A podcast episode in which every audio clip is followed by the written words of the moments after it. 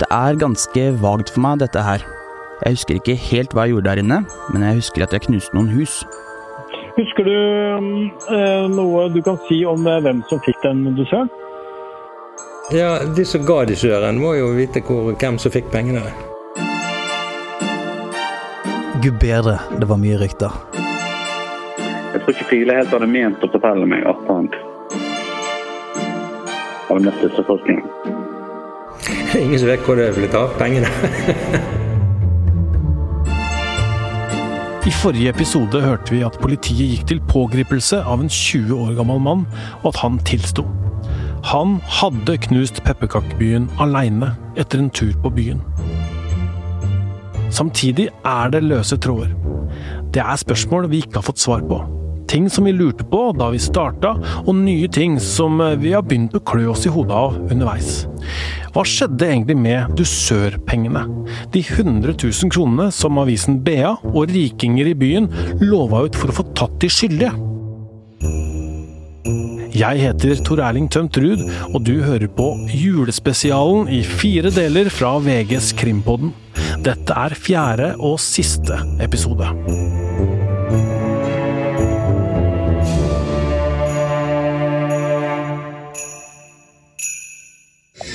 Birgitte, fortell meg, hva er det du har lagd? Jeg har lagd et pepperkakehus med, med min vennegruppe.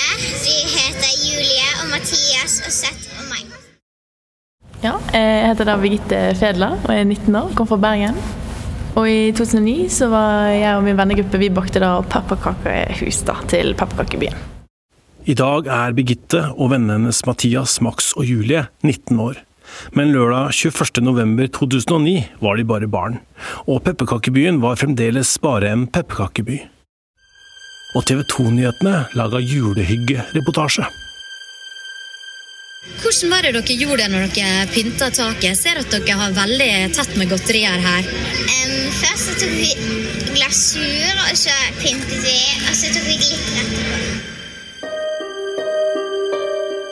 Lite visste åtte år gamle Birgitte at huset hennes bare timer seinere skulle være knust til smuler, og paviljongen på Torgallmenningen forvandla til et åsted. Barnas pepperkakeby i Bergen rasert i natt. Noe som skulle føre til en omfattende politijakt. Politiet ber nå om tips fra publikum for å finne synderne. Og bli en nyhet som gikk verden rundt. We're going to show you the work of some vandals bound and determined to crush the holiday spirit. Ja, jeg så for meg at det var en, eh, en skurk, da. Som da hadde kommet sånn type midt om natten og knust hele greien i mørke klær og Vi rygget inn med lastebil og hoppet ut mange i i skimaske og løpt inn og knust det.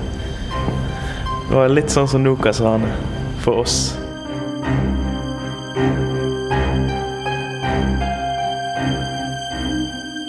Sist gang så røpa vi at vi har oppdaga at det er noe som ikke stemmer helt med historien slik vi har fått den fortalt, og vi sa at vi skulle gå dypere inn i det i denne episoden. Hva er det som skurrer? Det handler om svarene vi har hørt i intervjuene med de involverte og med ofrene. De svarene de spriker såpass mye at det i seg selv beviser at det er noe som ikke stemmer. Og da handler det om dusøren, hvor pengene endte opp. Og det som er ekstra rart, det er at andre ting det klarer de vi har snakket med å gjengi på et veldig fint detaljnivå, men hver gang vi spør de om dusøren, så blir plutselig alt veldig tåkete. Vi har spurt de aller fleste om hvor du søren blei av. Nesten alle stemmene du har hørt i denne podkasten, har fått svare på det spørsmålet.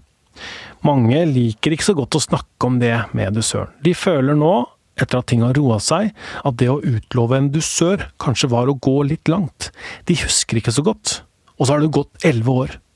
Likevel så syns vi det er litt rart at ingen veit noe om hvem som fikk pengene. Herman Friele, som sto for en fjerdedel av pengene, husker det slik. Jeg mener å huske at det ble donert til en god sak. Dusørpengene? Ja. Jeg mener å huske det. Husker du hvilken sak? Nei, det gjør jeg ikke. Jeg, jeg burde sjekke men nei, jeg, jeg greier ikke den. Fordi når sånne ting skjer, er det eh, Hvordan gir du da de pengene? Er det noen som gjør det for deg, eller du hadde folk den gangen, eller Nei, det er mine egne penger. Det er selvfølgelig. Altså, jeg gir penger Hæ? Går du inn i nettbanken og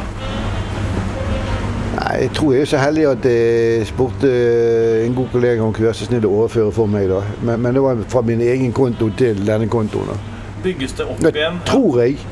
Altså, Arrester meg gjerne nå. Jeg, liker jeg mener det var ikke firmaet mitt som gjorde det, men det personlig. Men, vi, men jeg kan godt. Nei, jeg vet ikke. Jeg, jeg mener det meg personlig. Heller ikke Steinar Kristoffersen, pepperkakegeneralen, kan gjøre rede for hvor pengene har blitt av. Uh, uh, nei, jeg husker egentlig ikke jeg. eh, hva som eh, Hvem Jeg tror det gikk sikkert til et godt formål. Jeg tror en eller annen eh, Det er flere som har sagt det, men vi vet ikke helt. Eh, Hvordan kan vi klare å finne ut av det? Det er ingen som vet hvor det blitt av, pengene. Uh, men hvor uh, Ja, de som ga de søren, må jo vite hvor, hvem som fikk pengene. Ja, det kan du si. Ja, ja.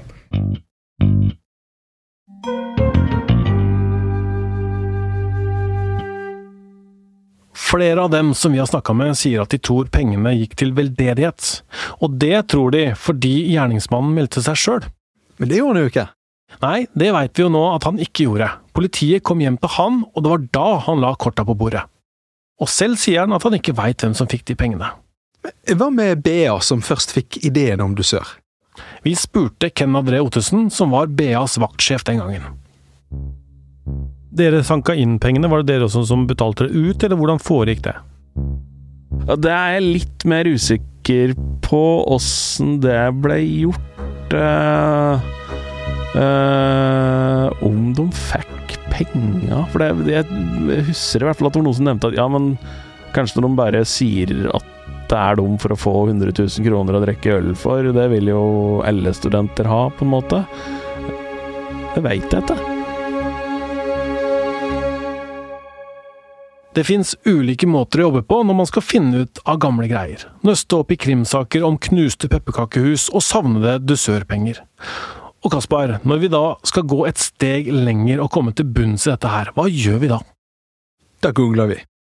Og det ble jo skrevet en del saker i tiden etter raseringen og frem mot jul om dette her. Og noen av de artiklene handler også om dusøren.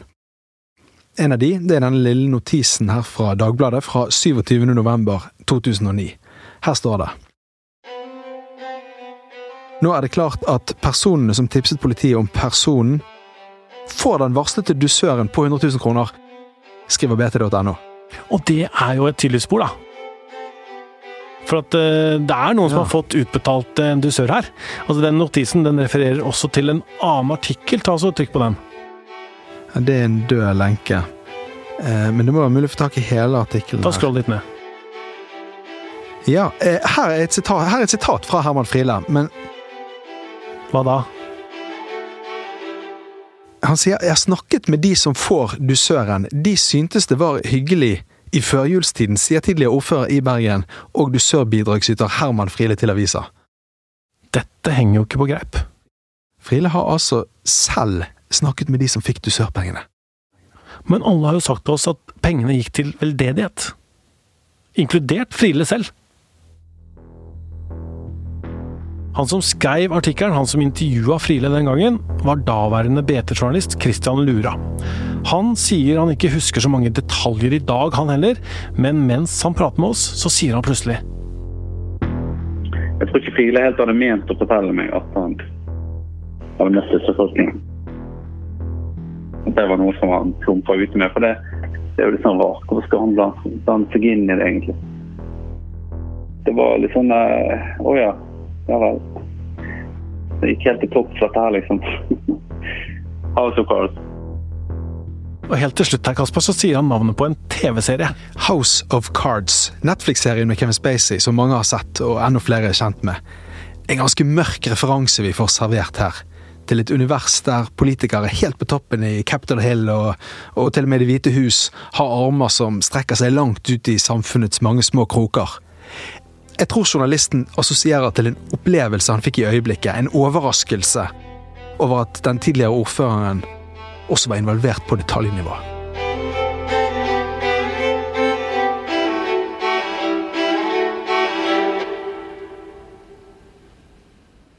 Torsdag 3. desember 2009. Det er en vakker vinterdag i Bergen. Fem grader og oppholdsvær. Innimellom titter til og med sola fram. Det er snart to uker siden pepperkakebyen i teltet på torganvendingen blei vandalisert, og én uke siden den egentlig skulle ha åpna. De siste dagene kan det virke som om halve Bergen har jobba døgnskift. Alle har stått på, med ett mål for øye. Å bake og bygge og dekorere en ny by av kakehus.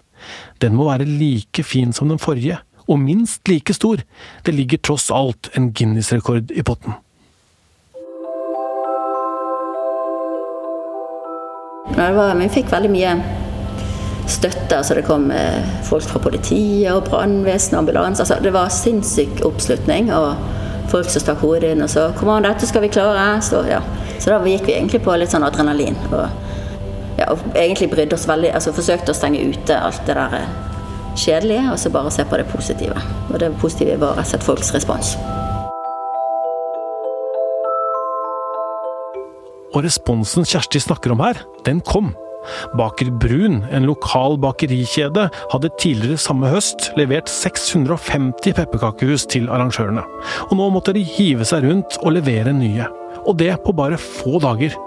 De beskrev det sjøl som et sjokk og som et slag under beltestedet, og de slo raskt fast at de umulig kunne nå dette aleine. De erklærte derfor at de trengte hjelp fra alle byens bakere, bedrifter og privatpersoner. Vi har hørt ordet dugnad bli brukt, men dette var egentlig ikke en dugnad. Det var mer som om hele Bergen ble til en eneste stor fabrikk med ett formål å bake pepperkakehus. Skal vi høre at den sanseløse raseringen av pepperkakebyen har utløst et helhjertet engasjement fra byens borgere. Bergen står på hodet for å redde pepperkakebyen som ble knust. At den bergenske attraksjonen ble rasert har vekket sinne, men også en veldig dugnadsånd. Den overveldende responsen fra Bergens befolkning og synet av den nye byen som vokser fram foran øynene hans, gjør at pepperkakegeneral Steinar Kristoffersen ikke klarer å holde tårene tilbake da han blir intervjua på NRK P1. Vi var på gråten både jeg og tømreren. Altså vi og ja, det, det, blir jeg når jeg, jeg leser hva folk sier på Facebook og nå. Så um, Men uh,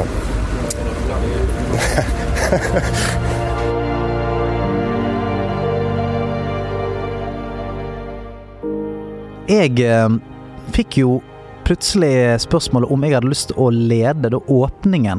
Altså denne litt ekstraordinære åpningen eh, av Pepperkakebyen det året. TV 2-programleder Stian Blipp forteller. Når det var eh, sånn at ok, det utenkelige hadde skjedd, vi har klart å komme oss opp igjen, og nå skal vi åpne på nytt igjen. Det, det rant folk ut av veggene. Det var så mange folk, og det følte at alle stilte opp for at sånn, ok, nå skal vi vise at vi står sammen. Jeg husker det var, det var kule band og artister. Det var stappfullt. Jeg har ikke sett så mange folk på Torgallmenningen før. Med lys og skjerf og lue. Det var helt magisk. Oppslutningen om den nye pepperkakebyen blei så stor at de arrangerte ikke bare én, men en serie åpninger gjennom den dagen. Senere i uka ble det også avholdt kirkekonsert. Og så skulle hun her uh Andreasson, han sangeren. Rettan. Rettan. Rettan hadde konsert oppe i uh, Johanneskirken. Måtte frem da, og da kom hun med pepperkakehuset som hun hadde laget. og sånn. Så alle bidro? Alle bidro. Det var veldig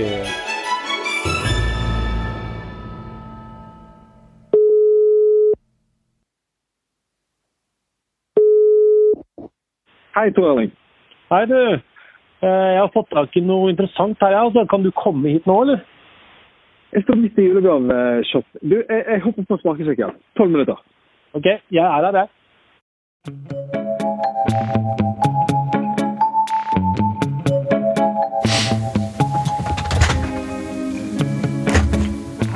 Hei.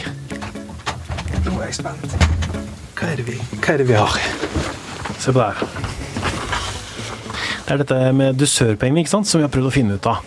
Nå har vi fått tak i dette her notatet, som stammer fra Bergensavisen. Og det er jo de som da lova ut den dusøren. Dette er interessant. Hvor kommer det fra? Det kan vi ikke si av hensyn til kildevernet.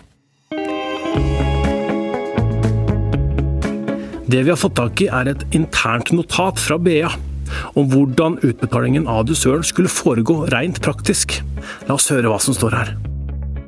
Detaljene fra sluttoppgjøret er som følger. Friele, Sandven og Frydenbø overfører kroner 25 000 hver til konto i Bergensavisen. I tillegg stiller BA med 25 000. Alle parter får skattefradrag for gaven til Frelsesarmeen på kroner 65 000, men ikke for de 35 000 som skal gå til tipserne. De 35 000 må utbetales som lønn fra BA. BA må få tilsendt skattekort fra begge tipserne. De er garantert full anonymitet. Dette er i regi av bedriften, ikke redaksjonen. Ansvar for å kontakte tipserne Herman F.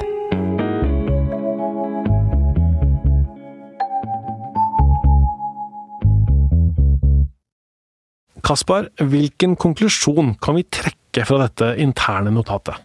For det første tenker jeg at vi må kunne stå fast at dette her, det er et stort gjennombrudd i, i våre undersøkelser. For her i, så står det jo i dette tidligere upubliserte dokumentet, svart på hvitt, at det ble utbetalt en dusør. Det står også at deler av pengene gikk til Frelsesarmeen. Og akkurat det forklarer jo hvorfor så mange av de vi intervjuet, husker det som at pengene gikk til veldedighet. De gjorde jo det, Den største andelen av summen gjorde jo det. Og så nevnes det en som heter Herman F. Det er Friele. Og da har vi fått svar på hvorfor han snakket med dusørmottakerne. Hva veit vi om mottakerne av dusøren? Det står ikke hvor mange de eller hva de heter, men det er brukt et ord her begge. Begge det er et ord som aldri brukes om én, tre eller fire mennesker. De må ha vært to. Disse to skulle nå dele 35 000 kroner, og de skulle levere skattekort. Det betyr, etter en rask utregning, at de fikk 17 500 kroner hver, og at de kanskje måtte betale skatt av det. Men hvem var de to som fikk denne dusøren?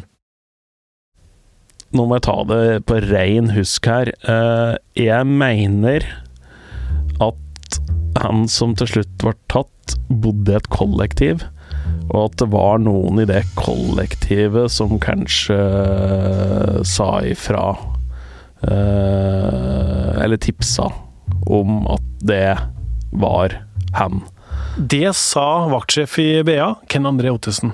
Kan det ha vært en romkamerat av gjerningsmannen som meldte ham inn?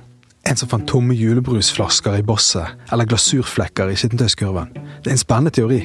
Akkurat det ville ryktet, det vi hørte der, det er en teori som har versert i Bergen i mange år.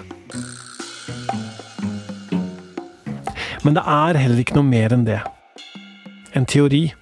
For vi har vært i kontakt med folk som var i vennekretsen til gjerningsmannen.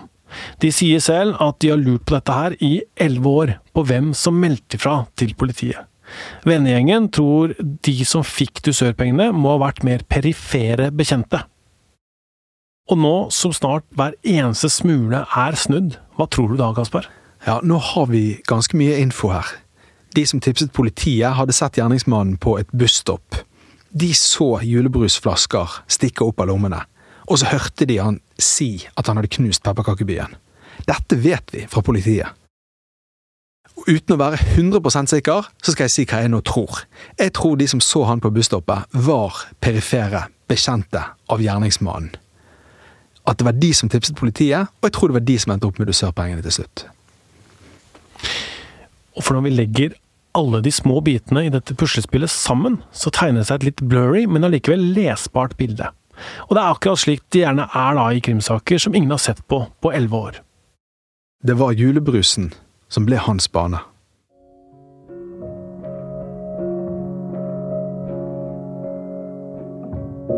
Denne saken her har det gått så mange rykter om i disse elleve årene. Veldig mange sier de vet helt sikkert at det var den og den som gjorde det, den og den som var med på det, de og de fikk du søren. Sånne ting. Jeg har hørt folk fortelle at de var på det og det utestedet den kvelden, og at de snakket med folk der som sa de kom rett fra knusingen av pepperkakebyen, at de hadde vært med på det. Vi har fått avkreftet masse sånne rykter i forbindelse med denne podkasten.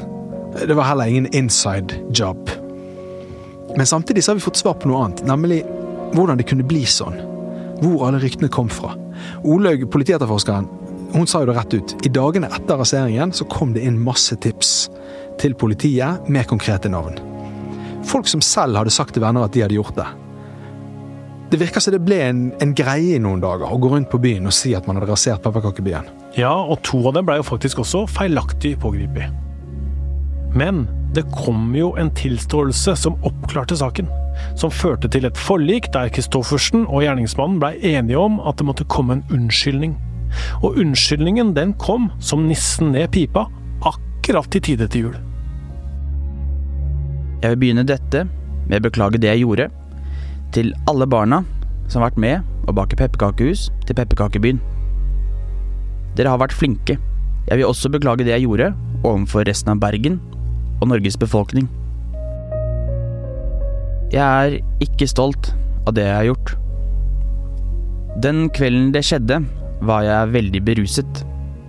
Jeg har selv skylda for fylla. Jeg har lært min lekse, og fra nå av kommer jeg til å ta det mye mer med ro. Jeg håper at alle får en riktig god jul og et godt nytt år. Jeg har i hvert fall nyttårsforsettet mitt klart. Dette her, det var et utdrag av det brevet som ble sendt. Det er en tydelig beklagelse. Hvordan tok bergenserne dette her, Kasper? I det store og det hele så var folk, etter at dette brevet var publisert, ferdig med saken. Da den nye byen sto ferdig, og folk fikk se den, så var det ingen som lenger savnet den gamle pepperkakebyen. For på kjøpet så hadde jo publikum også fått noe ekstra, nemlig litt godt gammeldags drama. Er det da en komedie eller en tragedie? Denne historien hadde elementer fra begge sjangrene. Det er litt som Hjemme alene. Det er en komedie, men det er også en tragedie, med forlatte barn og folk som får glødende strykejern i ansiktet. Er det som kjennetegner en skikkelig julefortelling? Og den nye byen som vi bygde, var jo større og finere eh, enn den som ble ødelagt. Biskopen i Bjørgvin, Halvor Norhaug, som tidligere advarte mot at ting gikk for langt, konstaterer nå at det endte godt til slutt. Vi fikk også en, et, et, grunnkurs i, i, i tilgivelsen. Og det er viktig.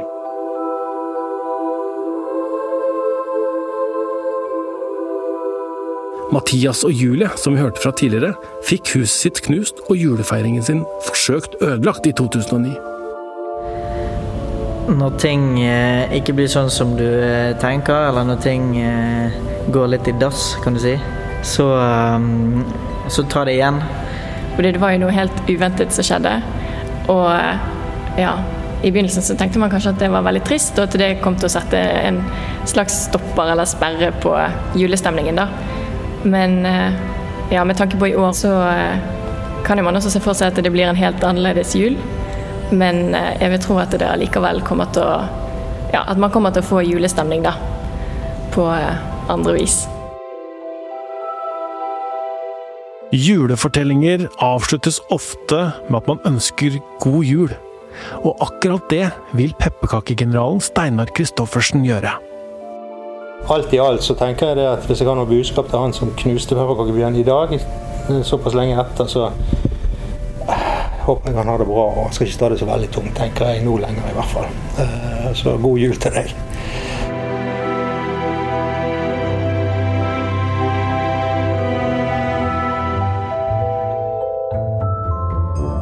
Og god jul til deg som har hørt på denne julespesialen av Krimpodden. Disse fire episodene er produsert av VG i samarbeid med Kvitter Studio, og laga av Kaspar Synnevåg, Henrik Hylland Ulving, Ingvild Ørnholt, Synne Solbakken, Sondre Mogård, Vilde Våren og meg, Tor Erling Tøm Ruud. Musikken er laga av Ronny Furuvik og Epidemic Sound. Magne Amponsen har det tekniske ansvaret. I denne episoden har vi spilt lydklipp fra Norgesklasse og Dagsnytt fra NRK Radio, TV 2-nyhetene og amerikanske NBC News. På nyåret er Øystein Milli og jeg tilbake med en ny sesong av Krimpodden. Tettere på norsk krim hver torsdag.